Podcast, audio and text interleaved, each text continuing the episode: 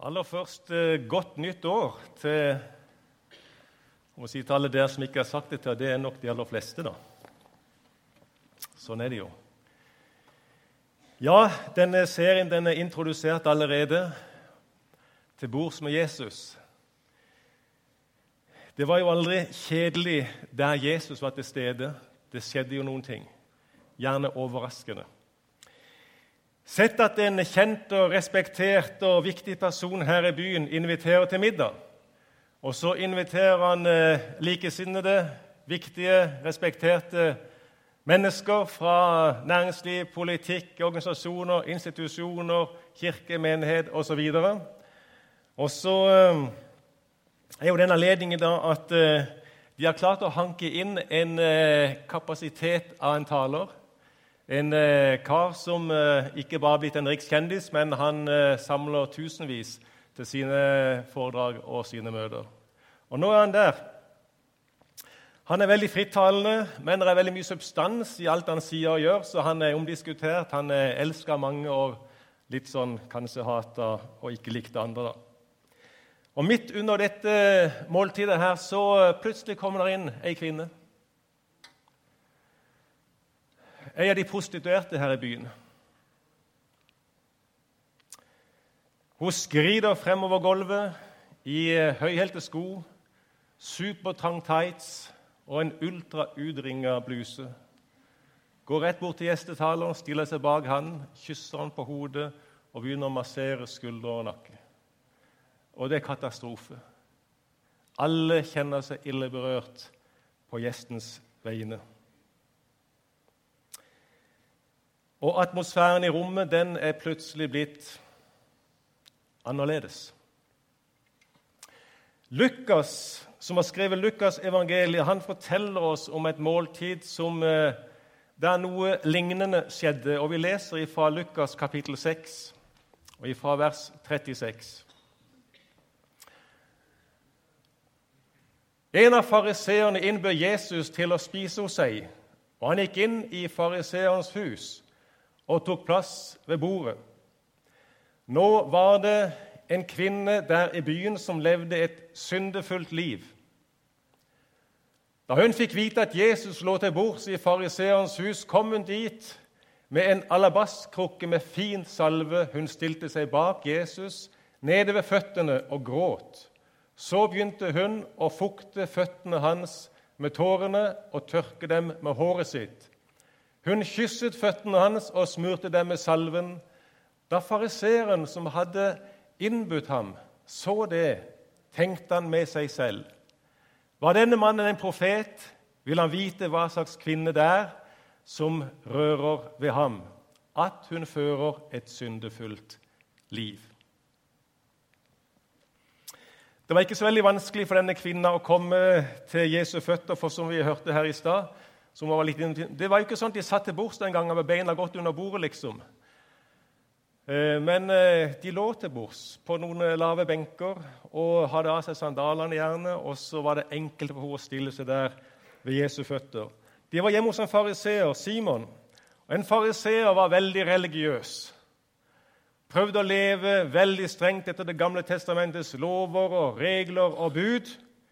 Og skilte veldig mellom det som anså som rent eller urent, og det er en svær greie i seg sjøl som vi ikke kan gå inn på nå. Men eh, en fariseer vokta sin renhet mer enn noe annet. Og Derfor unngikk jo fariseerne alt som kunne gjøre de ureine. Og denne kvinna var absolutt sånn som kunne gjøre han urein. Og bare at hun var inne i huset eller i gården hans, det var jo en katastrofe. Det står ikke egentlig klartekst her i teksten at, eh, at hun var prostituert, men det er bare en annen måte å si det på, det at eh, denne kvinnen levde et syndefullt liv. Så for fariseeren var hun verre enn pest og kolera. Hun var en katastrofe. Men eh, for Jesus var hun ikke det. Jesus aksepterer henne. Han tar imot henne, og han lar henne holde på. Men inn i den settingen, den kulturen, inn der og da, så var dette svært upassende. Og det opplevde de som var til stede. Hun kommer inn der, hun kysser Jesu føtter igjen og igjen. Jesus sier senere at hun holdt ikke opp å kysse hans føtter. Tårene renner, hun kysser hans føtter, hun tørker dem med håret sitt, og hun smører føttene hans inn med denne velluktende salven, mens hun hele tida holder på å berøre han. Og det er ganske litt sånn nært, det. Berøre han og liksom holde på sånn. Så de som var der, de kjente seg veldig, veldig ubekvemt. Og bare det å la håret falle sånn som hun gjorde De som har greie på det, sier at i den kulturen der så var det bare noe som skjedde på soverommet. Det var nesten som å komme toppløs i dag. Altså Det var litt sånn Det skulle ikke skje, liksom. Så det som var her, det er at alt ved denne kvinna var feil. Hun var feil. Det hun gjorde, var feil. Hun var på feil sted. Alt var feil med henne. Og det var, egentlig så var hun bare et sånt flaut fremmedelement til stede. Men Jesus stopper ikke. Kanskje vi hadde sagt det, kanskje vi hadde sagt noe sånt som at Setter pris på det du gjør, men det passer seg egentlig ikke å gjøre det akkurat her nå. Så jeg tror det er best at du lar være. Jesus sa ikke det. Når Lukas forteller dette, så, så gjorde Jesus ingenting. Han var bare passiv og lot henne holde på. Egentlig så satte han sitt eget gode navn, rykte, sitt gode navn og rykte på spill, liksom. Så kan vi jo spørre da, Hvilket rykte hadde Jesus? Ja, det var sikkert flere rykter. Men rett før denne hendelsen her så forteller jo Lukas hvilket rykte Jesus har. Det ryktet som går om Jesus, det er at han er venn med syndere. At Jesus er venn med tollere og syndere. Ja, at han er en stor eter og vindrikker, venn med tollere og syndere. Det var ryktet som gikk. Og så kan vi tenke hvordan forsvarer Lukas nå Jesus mot sånne rykter og sånne anklager? Og det vi ser at Han forsvarer ikke Jesus i det hele tatt. Han forteller en hendelse som bekrefter ryktet, at Jesus er venn med syndere. Han er synderes venn. Punktum. Og han er like lite redd for å bli sett sammen med denne kvinna som han er redd for å bli sett sammen med du og meg i våre verste øyeblikk. Han er ikke redd for det. Nei, Lukas poengterer han er synderes venn. Og han er villig til å komme tett inn på hver eneste en av oss. I enhver situasjon i livet, og han gjør det for å åpenbare seg som den nådefulle frelser han er. Og det skjedde her. Søren Kirkegård sier noe sånn som at skal du føre et menneske herfra til dit, så må du først finne det mennesket akkurat der det er. Og det er det Jesus gjør. Han finner mennesket der det er, ikke der det burde være. Han møter oss der vi er. Alltid. Ikke der vi burde være. Vi vet ofte hvor vi burde være, men vi er ikke der alltid. Vi er liksom et annet sted, og der møter han oss som den nådefulle Jesus. Og Jesus er villig til å møte alle mennesker der. Ikke bare alle mennesker, men alle slags mennesker akkurat der de befinner seg. Lukas han har fortellinger som gjerne involverer tollere. Altså den gangen der og da sammenlignes med landssvikere. Tollere og prostituerte trekker han frem. Altså det vi ville kalle for notoriske syndere. Ikke bare sånne som er uheldige og plumper uti, liksom, men mennesker som lever sånn. Mennesker som lever syndefulle liv, som det står her. Og Det er som om Lukas eh, vil teste oss, som om han spør oss har, har vi grepet det som har med Guds nåde å gjøre. Har vi forstått dette med Guds nåde? Har vi smakt denne nåden? Har vi erfart dette med hva det er å få tilgivelse for våre egne synder og kjenne Guds nåde mot vår egen liv. Akkurat som han tester oss på dette her. Og Nå må jeg ha noe vann, for nå ble jeg så tørr i munnen. Men det hadde ikke noe med teksten å gjøre. Tusen takk. Det hadde noe med min kropp å gjøre.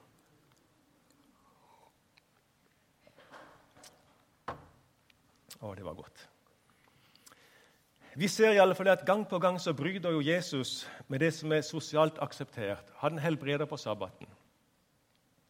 Han spiser og drikker sammen med toller og syndere. Og For, for de tilstedeværende så blir det gjerne ubekvemt.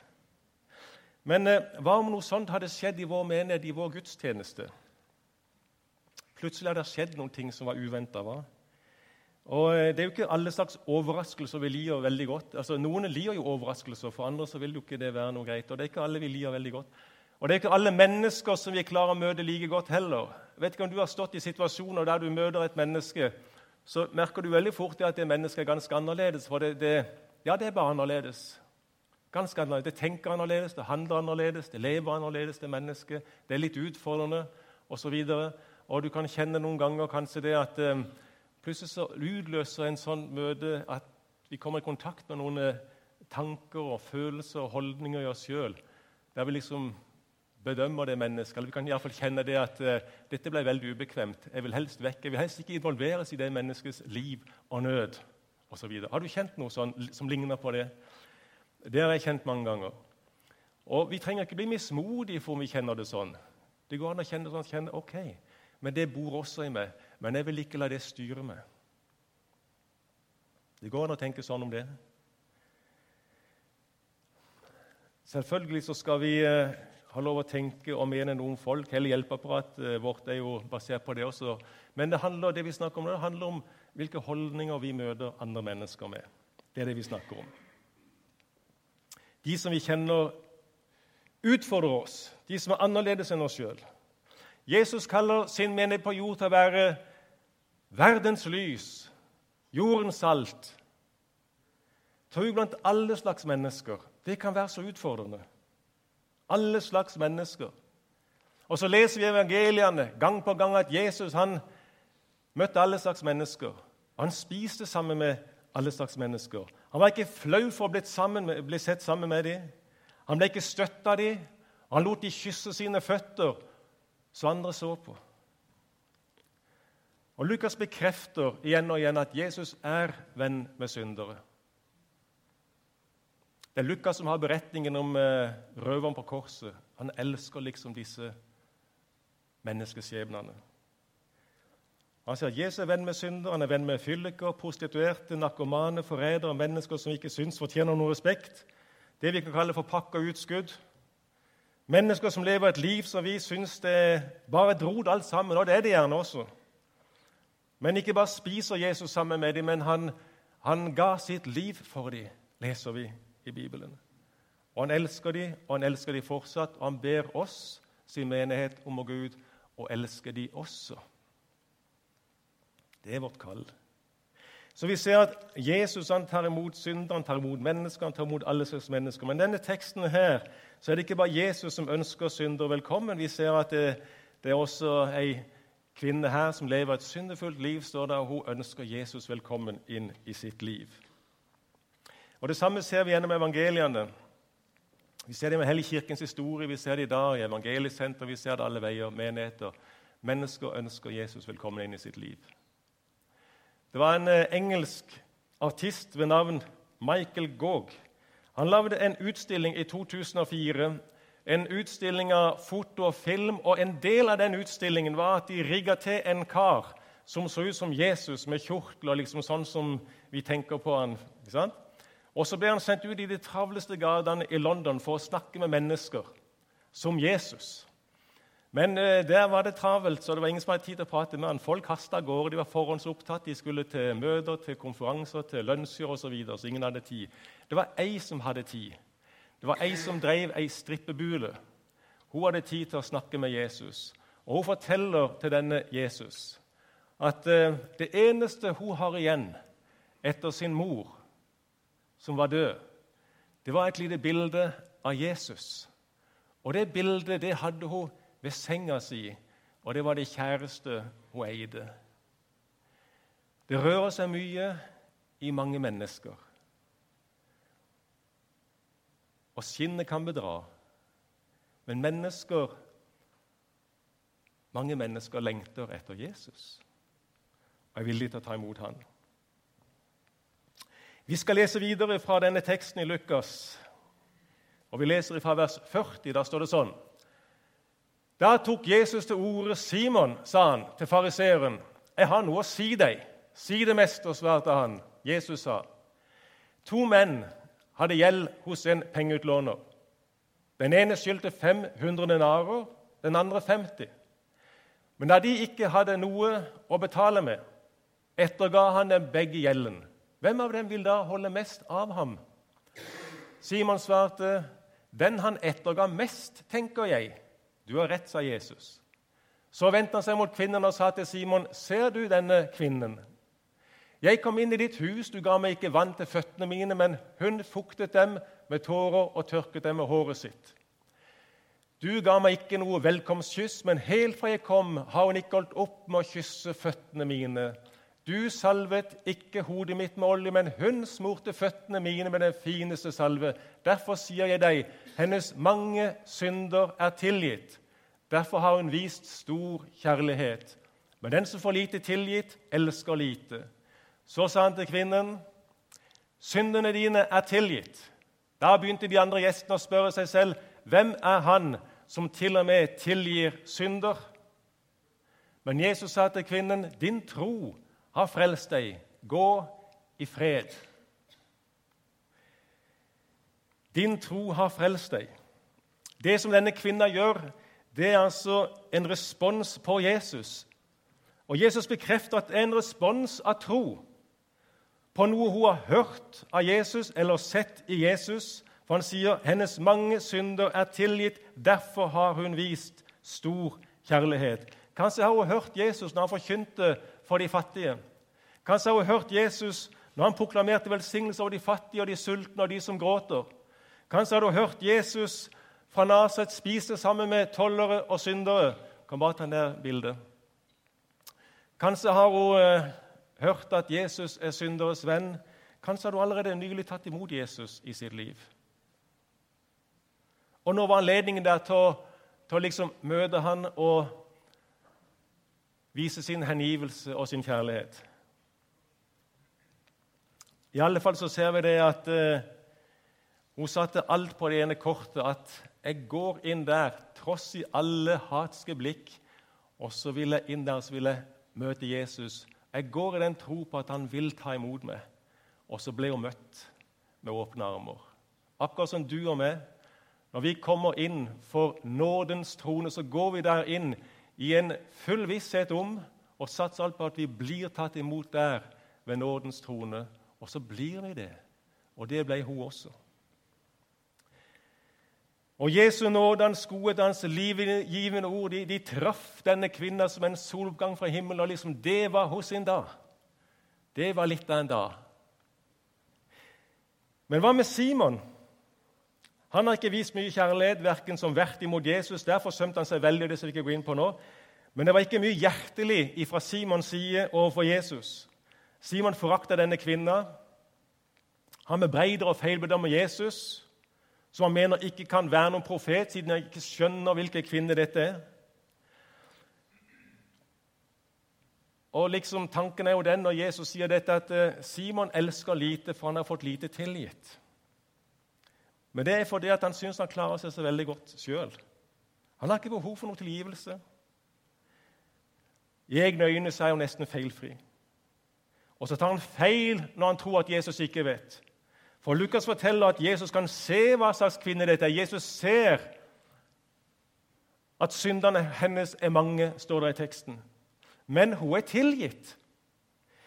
Jesus ser mer, han ser også inn i Simons hjerte, for Lukas skriver at eh, Simon tenkte, og så svarer Jesus på det Simon tenker, som om Simon skulle sagt det høyt.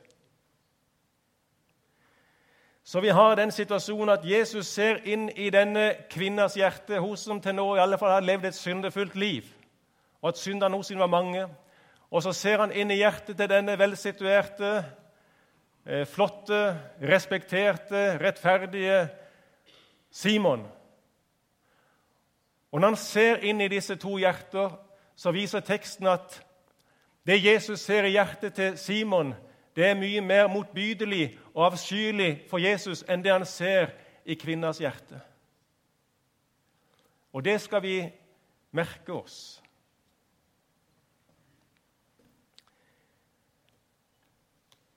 Det er jo kanskje sjokkerende, men Jesus ser inn i våre hjerter. Han ser inn i alles hjerter, han ser inn i alltid. På lang avstand kjenner du mine tanker, før jeg har et ord på tungen. Herre, kjenner du det fullt ut? Salme 139. Og Så sier Jesus at det hjertet er fullt av det sier munnen. Altså vår oppførsel, våre tanker, våre holdninger, våre handlinger, det kommer innenfra. Og på sett og vis det er sånn vi er. Og likevel elsker av Jesus.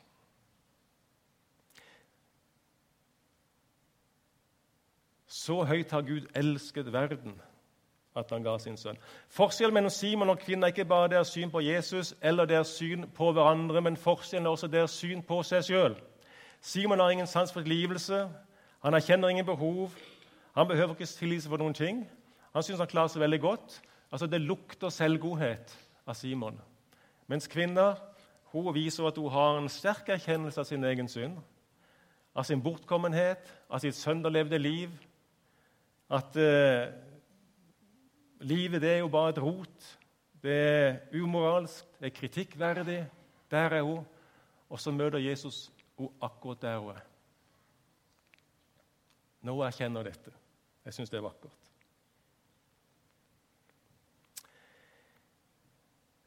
Han møter oss alle sammen der vi er. Og i vårt møte med mennesker, de som også er annerledes, så møter vi dem der de er. Og eh, la oss møte dem med den nåde vi sjøl har blitt møtt med når vi har blitt møtt der vi er. Det er i møte med Guds nåde at syndere vender om. Det er der vi også vender om. Det er der vi kjenner at 'dette er min redning'. Så når vi involveres i andre menneskers liv, og kanskje de som utfordrer oss, de som er annerledes, de som lever, tar gale valg, de som Bibelen vil si lever syndefulle liv, da omgås vi de som medsyndere. Vi sier ikke til dem at 'bli som meg', men vi omgås de som medsyndere. Det høres kanskje rart ut, men vi er alle sammen brutte. Vi er alle sammen ødelagte mennesker i en ødelagt verden. Vår ødeleggelse ligger i det som Bibelen sier, at alle har syndet og står uten Guds herlighet, mangler Guds herlighet. Derfor er vi også forgjengelige, sier Bibelen. Vi er alle på vei mot grav. Vi er alle ødelagte mennesker i en ødelagt verden. Vi behøver alle en frelser. Og så kommer evangeliet og sier at av nåde er dere frelst ved tro. Ufortjent av Hans nåde blir de kjent rettferdig, frikjøpt i Kristus Jesus. Ja, alle har synder, alle mangler Guds herlighet, men Jesus sier at han er kommet for å frelse det som er fortapt. Han er kommet for å gi sitt liv som løsepenge for mange. Ja, som Lukas, han er venn med syndere. Og så er det jo sånn at Selv etter vår omvendelse så er vi ikke fullkomne i oss sjøl. Og selv om vi har fått Den hellige ånd, denne gaven, så bærer vi også i oss en eh, syndefull natur. Og Jesus elsker jo ikke våre synder, men han, uh, og han har mye å si oss som kan gi vårt liv ny retning. Men han elsker oss. Derfor kan vi, når vi omgås andre mennesker De er annerledes enn oss. Men eh, vi kan peker på at Jesus han er vår felles frelser. Han er din frelser, han er min frelser. Han er vår felles frelser. Vi behøver han. Ikke bare du bør, men vi behøver han.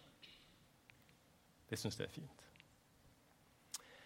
Da begynte de andre gjestene å spørre seg selv hvem er han som til og med tilgir synder. Men Jesus sa til kvinnen, 'Din tro har frelst deg. Gå i fred.' Det var hos en respons på Jesus. Og Hvis du har gjort den samme responsen, at du i ditt hjerte har tatt imot Jesus Kristus, så vil han si det samme til deg. Din tro har frelst deg. Gå i fred. Det er evangelium. Amen.